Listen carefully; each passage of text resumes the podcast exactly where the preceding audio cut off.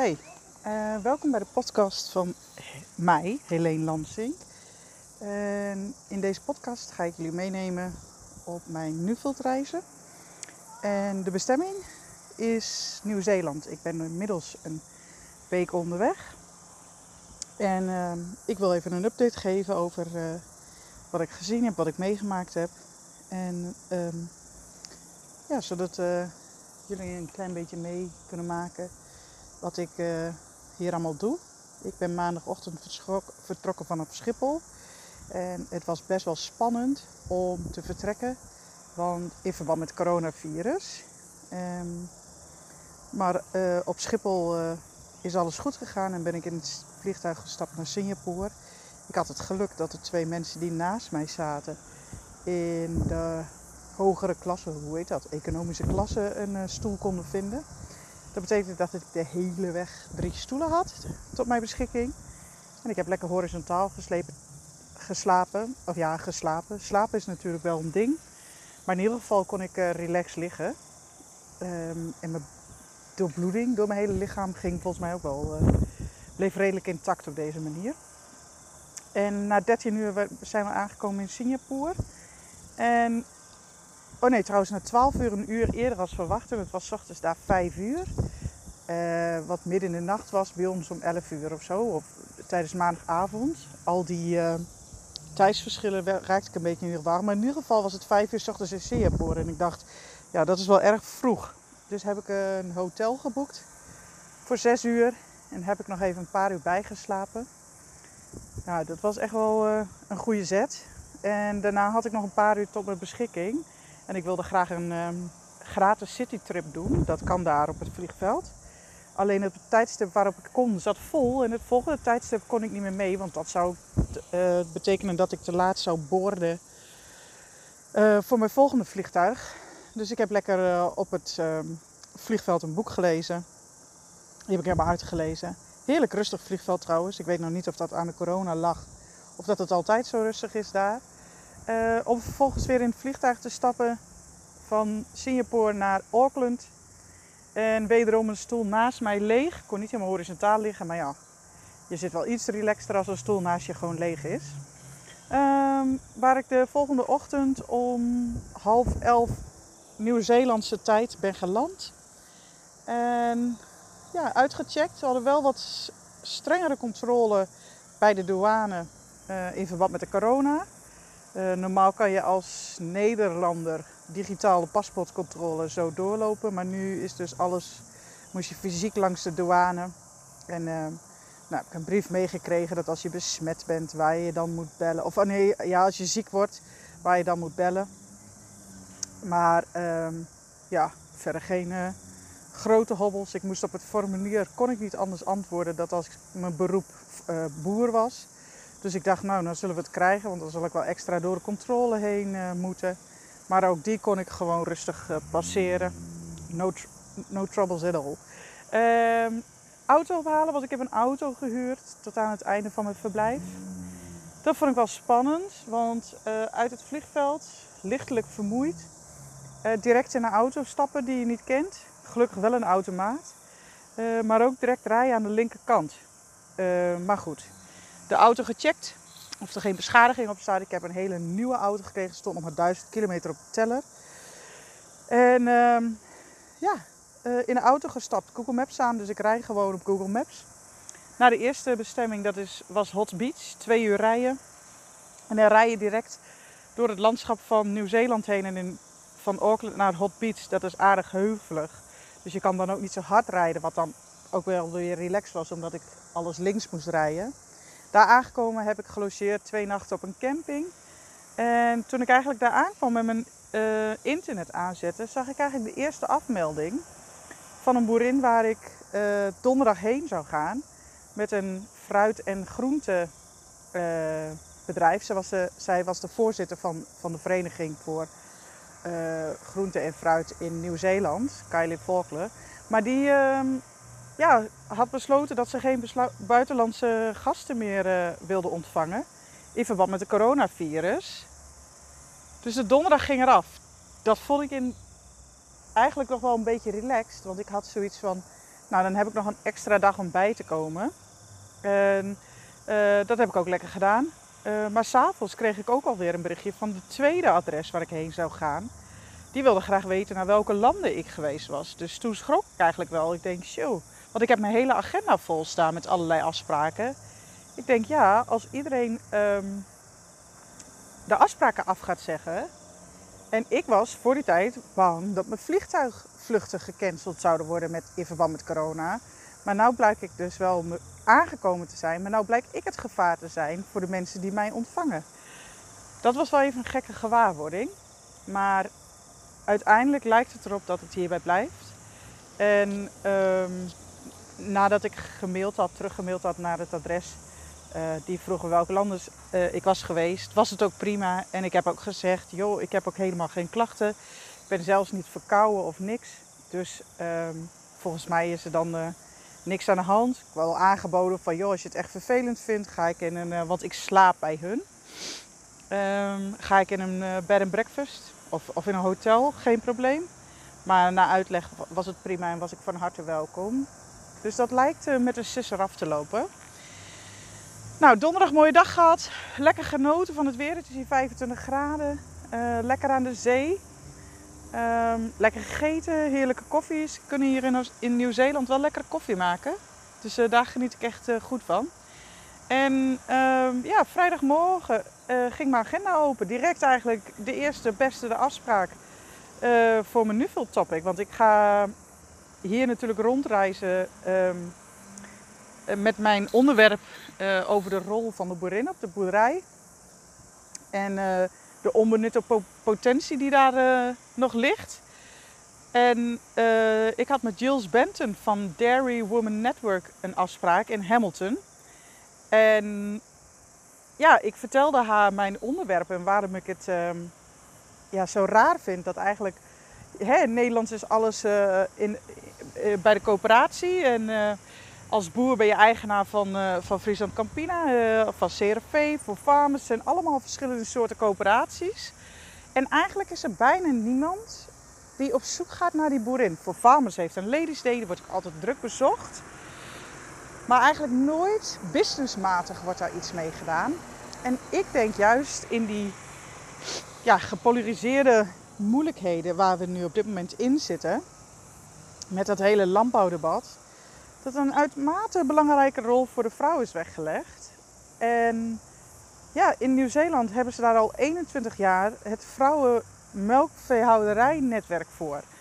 En precies voor die dingen wat ik zei, wat ik uitlegde aan Jules, wat ik belangrijk vond in die rol van die vrouw. Dus Jules zei: Dit is het netwerk, dit moet je ook in Nederland doen. En wat is dan het netwerk? Um, ze bestaan uh, 21 jaar, gestart met vier vrouwen die de koppen bij elkaar hebben gestoken. En uh, ze hebben inmiddels 10.000 betalende leden die jaarlijks naar verschillende evenementen kunnen. Die overigens wel gratis toegankelijk zijn. Met verschillende thema's die ze dan op die evenementen behandelen. Workshops en dat soort dingen. Uh, met thema's waarvan zij denken dat dat de vrouwen aangaat die op die boerderij wonen. Thema's over hoe uh, combineer je je bedrijf met je gezin, hoe zorg je voor personeel, hoe zorg je voor je oude dag, als je wil stoppen met melken, hoe doe je dat dan? Heel hot item op dit moment, omdat uh, hier in Nieuw-Zeeland de gemiddelde leeftijd van de boeren ook heel oud is. Um, hoe hou je je bedrijf financieel gezond? Um, wat is de strategie? Hoe, hoe stip je je strategie van je bedrijf uit? Al dat soort thema's behandelen ze. En afgelopen jaar hadden ze 157 events georganiseerd. Uh, dat vond ik nogal wat. En um, ja, dus ik dacht van nou, dat, hoe, waarom hebben we dat niet in Nederland? Of waarom lukt dat wel of lukt dat niet? En 10.000 leden vind ik wel echt heel veel. Moet ik wel zeggen dat 70% echt praktisch uitvoerend werk doen op een um, boerderij. Er zijn ook veel mensen lid die nou ja, interesse hebben in de, in, de, in de agrarische wereld. Of misschien van plan zijn om te gaan werken of bedrijven die connecties hebben of wat dan ook. Um, maar ik zat al wel te denken, want ik had het met haar erover hoe de situatie dan in Nieuw-Zeeland is. Nou, gemiddeld zijn in Nieuw-Zeeland de melkveebedrijven veel groter. Ze hebben eigenlijk ook bijna allemaal personeel in dienst. Die wonen ze ook. Heel vaak zie je dat die melkveebedrijven ook voorzien in de, woon, uh, in de woning voor die uh, werknemers. En uh, je ziet ook dat 80% van alle vrouwen op de boerderij werkt. Kijk, en dat is wel een heel groot verschil als, als ik dat vergelijk in Nederland. Want ik denk dat het in Nederland misschien nog wel eens andersom kon zijn zeker bij de jonge nieuwe generatie boerinnen, dat er veel meer buiten de deur werkt. Um, en wat ook in Nieuw-Zeeland is, is dat het hier veel uitgestrekter is en veel minder mensen wonen. Dus dat heel veel vrouwen ook blij zijn dat ze af en toe naar die events kunnen, omdat ze dan een beetje uit die geïsoleerde wereld komen. Waardoor de behoefte ook aan zulke evenementen veel groter is. En ook dat zie ik namelijk in Nederland niet zo uh, snel vormen. Of, of ja, dat er behoefte is aan heel veel grote evenementen, zeg maar. Want iedereen heeft gewoon zijn sociale netwerk eigenlijk heel dichtbij. Eh, zeker ook als je werkt. Uh, nou, je hebt toch werkgerelateerde afspraken, uh, sport, vrije tijd. Dat is allemaal makkelijk beschikbaar en dichtbij in Nederland, ook voor boerinnen. En dat is hier in Nieuw-Zeeland echt wel anders. Dus daar zat ik al inderdaad een beetje zo van: hey, is het dan direct toepasbaar in Nederland? Hmm, dat weet ik niet. Maar wel uh, dat er geïnvesteerd wordt in het netwerk, omdat ze zien waar de kansen liggen. Moet ik overigens wel zeggen dat Jules altijd heel erg bang was, uh, is dat uh, stakeholders of, of, sponsoren van het netwerk uh, stoppen met sponsoren. Omdat het heel lastig eh, te meten is wat de toegevoegde waarde van het netwerk is. Dus um, ik vroeg haar ook naar de uitdagingen van het netwerk. En dat is wel een van de uitdagingen. De afgelopen twee jaar hebben ze heel erg geïnvesteerd in het um, zichtbaarder worden. Dus de website, sociale kanalen zijn heel goed aangepast. Als er een evenement is, wordt er ook gelivestreamd. En wordt ook gezorgd dat na die tijd in de vorm van um, dat de, de, beelden beschikbaar zijn. Dat ook als je bijvoorbeeld eh, niet in staat was om te komen, dat je dat nog weer terug kan uh, zien. Dus daar hebben ze heel veel in geïnvesteerd. En uh, de volgende ding wat ze gaat doen, is inderdaad gaan kijken van hey, kunnen we inderdaad bijhouden ja, wat we doen en wat dat oplevert en wat dat waard is. Um, omdat zij, ze krijgen sponsoring, ze krijgen ook behoorlijk sponsoring. Um, dus dat is mooi. Um, Derry Nieuw-Zeeland investeert veel en Fonterra is daar een van de grote partners in. Investeert echt veel in het netwerk. maar goed, uh, ja, ze kunnen daarin nog wel wat meer ondersteunen. Ze werken met 17 regionale leaders die ze ook helemaal uh, opleiden en uh, leadershipstrainingen geven. En die 17 regionale leiders zijn eigenlijk wel de grote kartrekkers van de regionale evenementen ook. En ook de connectie met de andere vrouwen die lid zijn van het netwerk in de regio.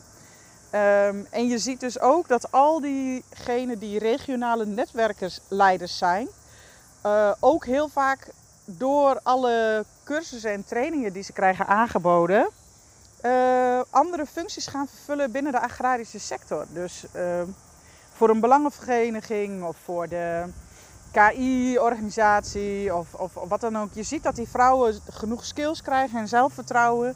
Dat ze dus ook doorstromen in andere functies binnen dat agrarische netwerk, wat natuurlijk onwijs waardevol is. Want ook in Nieuw-Zeeland is dat nog steeds wel een aardig mannenbolwerk. Alhoewel ze daarin echt wel verschuivingen zien dat het meer gelijkwaardig, uh, nou ja, gelijkwaardig was nog een te veel, te groot woord om te zeggen.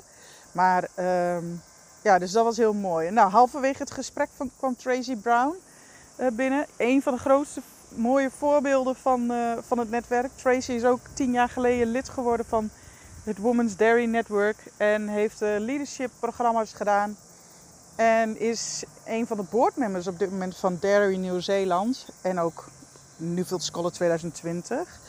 En uh, ja, toen veranderde de dynamiek van het gesprek ook wel. Want uh, Jill zat heel erg zelf te vertellen over het netwerk. En Tracy was eigenlijk ook wel meer benieuwd zeg maar, hoe dat dan bij ons in Nederland ging. En uh, ja, daardoor ging het hele gesprek kreeg ook een andere dynamiek. Hoe ziet de sector er dan uit? Hoe ziet de melkveehouderij er dan uit in Nederland en dat soort dingen. Dus uh, dat was eigenlijk wel heel mooi. Ehm, nou, dus ik heb echt wel mooie informatie ook als ze het bijvoorbeeld wel willen gaan starten, kan ik zo Jules bellen en heeft ze allerlei documentatie voor mij over de organisatievorm en hoe op te starten en dat soort dingen. Dus dat is wel uh, super mooi. Nou, ik heb een hele mooie roze sjaal gekregen als dankjewel. En ik heb hun voorzien van mijn uh, souvenirtje wat ik voor uh, iedereen bij me heb. Mag je raden wat het is? Oh ja, ik, dat ja, hoef je niet te raden. Maar dat is een sleutelhanger van een klomp. Ik dacht toepasselijker kan het niet. En uh, nou, dat had eigenlijk natuurlijk een roze klomp moeten zijn. Nou ja, dat, dat heb ik dan niet. En daarna heb ik lekker geluncht in de, in de Gardens of Hamilton. Super mooi park, aangelegd, lekker gegeten. En daarna, uh, Tracy had smiddags nog een presentatie bij LIC. En dat is de concurrent collega van CRV. CRV is ook actief hier in Nederland. Uh, fokkerijbedrijf, KI en sperma. En daar had ze een presentatie over haar bedrijf en wat zij doen aan duurzaamheid en wat ze gezien heeft. Want Tracy is vorig jaar ook naar China geweest samen met Fonterra. En uh, daar had ze wat over verteld. En de medewerkers van LIC, zo'n 60 die er in de zaal zaten, mochten ook vragen stellen aan Tracy. Nou, was superleuk om even te kijken van hoe Tracy dat doet. Want ik, ik heb wel vrij snel in de gaten dat Tracy aardig hetzelfde doet als dat ik ook deed. Dus dat is dan ook wel weer leuk om te herkennen en, en nou, lekker te sparren van hoe het haar vergaat. En ja, wat ze lastig vindt en waar ze soms tegenop ziet. Of alles van een leien dakje gaat. Hoe ze dat thuis organiseert. Met haar man blijft communiceren enzovoort. Dus dat was wel echt uh, superleuk. En daarna uh, ben ik doorgereden naar Tracy's huis en boerderij. Daar heb ik de nacht doorgeslapen. Op tijd naar bed, want het kost me hier wel allemaal veel energie. Het rijden, links rijden, het Engels praten, de intensieve gesprekken constant reflecteren van hey, is dat thuis toepasbaar? Um, is het haalbaar? Zitten we hierop te wachten? Uh, is dit de juiste toon? Uh, allemaal dat soort dingen. Dus je zit constant ben je met je in je hoofd aan het ratelen. Nou, lekker geslapen. De volgende ochtend uh, redelijk op tijd weer wakker. Want ehm, ik moest weer terug naar Hamilton. Daar had ik een nieuwe afspraak met Alvaro Romero. Hij is onderzoeker van Dairy Nieuw-Zeeland ook. En um, ik had al wat stukken van hem gezien toen ik in Nederland was. Um, via Onno van Eyck was ik uh, met hem in contact gekomen. En hij heeft uh, gekeken naar wat de beste manier is om al die transities waar de landbouw voor staat, verlies van biodiversiteit, connecties met de consument, um, verlies van biodiversiteit, dierenwelzijn, um, al dat soort dingen uh, hoe dat toepasbaar is, uh, welke manier daarvoor het beste toepasbaar is. En hij komt tot de conclusie dat je dat eigenlijk regionaal moet aanpakken. Dat de producten dan ook regionaal moeten afgezet worden. En dat dus ook de winsten regionaal beschikbaar blijven, de banen regionaal beschikbaar blijven. En ook de mensen in de regio zich verantwoordelijk voelen voor, um, voor de boeren die hun landschap in de regio onderhouden. En op welke manier. Dus een grote betrokkenheid van de consument um, richting de boeren. Um, ja, dat, uh, vind ik wel mooi. Dus niet lokaal, dat zei hij ook heel duidelijk. Niet lokaal, maar regionaal. Gro regio's die met elkaar bepaalde klussen oppakken en dan niet alleen de boeren aan het werk zetten, maar die hele omgeving daaromheen. Dus uh, super interessant. Ook over gehaald hoe het in, leven in Nieuw-Zeeland is. Uh, de ja, politieke instabiliteit van die rare leiders die we nu in de wereld aan de macht krijgen. Um, ja, de gevaar van het democratische stelsel. Dus nou, best wel een diepgaand gesprek gehad met, uh, met het echtpaar. En uh, was echt leuk. En, en bijzonder. Nou, en ook leuk om bij mensen thuis uitgenodigd te worden. Ik ben echt uh, heel warm welkom geheten. Uh, Lavo's vrouw Alvaro's vrouw had scones gemaakt met allerlei toppings erop. En uh, heerlijke lunch gehad. Waar ook een collega van um, uh, Alvaro kwam, Elektra. En zij moest zorg dragen voor biodiversiteit. En dan ging ik vertellen wat wij daar dan inderdaad nou ja, hopen dat we dat kunnen gaan doen. Ook in onze proeftuin bij Mineral Valley. Wat we daarmee bezig zijn. En uh, ja, daar waren ze wel van onder de indruk. Want ze zeggen, hier kunnen we nog nauwelijks praten over het onderwerp biodiversiteit. En eh, ik schrik me trouwens weesloos, want er stopt iemand op een eh, skateboard bijna ondersteboven. En um, ja, dus, dus ik was wel. Uh, of, ja, van onder de indruk je dus in Nieuw-Zeeland wordt er nog nauwelijks gepraat over biodiversiteit. Dus dat was uh, de eerste uitdaging. Nou, en daarna ben ik doorgereden met de auto naar Lake Taupo. Uh, daar heb ik geslapen vannacht. En vanochtend ben ik weer doorgereden en nu ben ik in uh, Palmerston South. En vanavond ga ik naar Matt en Jenna Hoken. En uh, daar ga ik vanavond weer slapen op de boerderij. En morgen uh, kijken hoe het bedrijf eruit ziet, wat ze doen. En dan heb ik dinsdag ook nog weer een, ja, een afspraak. De hele de agenda zit vol. En ja, het bevalt eigenlijk super goed. Het is. het autorijden gaat goed. Uh, ik vind het wel wat lastig om alleen al die gesprekken aan te gaan. Zeker, nou, met name in het reflecteren van de Nederlandse situatie naar de, naar de Nieuw-Zeelandse situatie. En dat je daar dus inderdaad niemand hebt om over te sparren. Het klinkt me een beetje gek, want natuurlijk ben ik wel gewoon mobiel bereikbaar. En uh, stuur ik ook wel WhatsApp berichten en bel ik ook wel naar huis en dat soort dingen, hoe het gaat en wat ik meemaak. Maar het is wel pittig om alles in je eentje te verwerken. Maar goed, dat is volgens mij ook de bedoeling van een Nuffield Scholarship. Uh, ja, dus dat is een beetje de opzomming van de eerste week. En dan uh, zou ik zeggen tot volgende week. Uh, volgende week zaterdag ga ik van het Noordereiland naar het Zuidereiland. Dus ik zal eens even kijken of ik het dan nog weer red om een opname te maken. Groetjes, tot volgende keer. Doeg!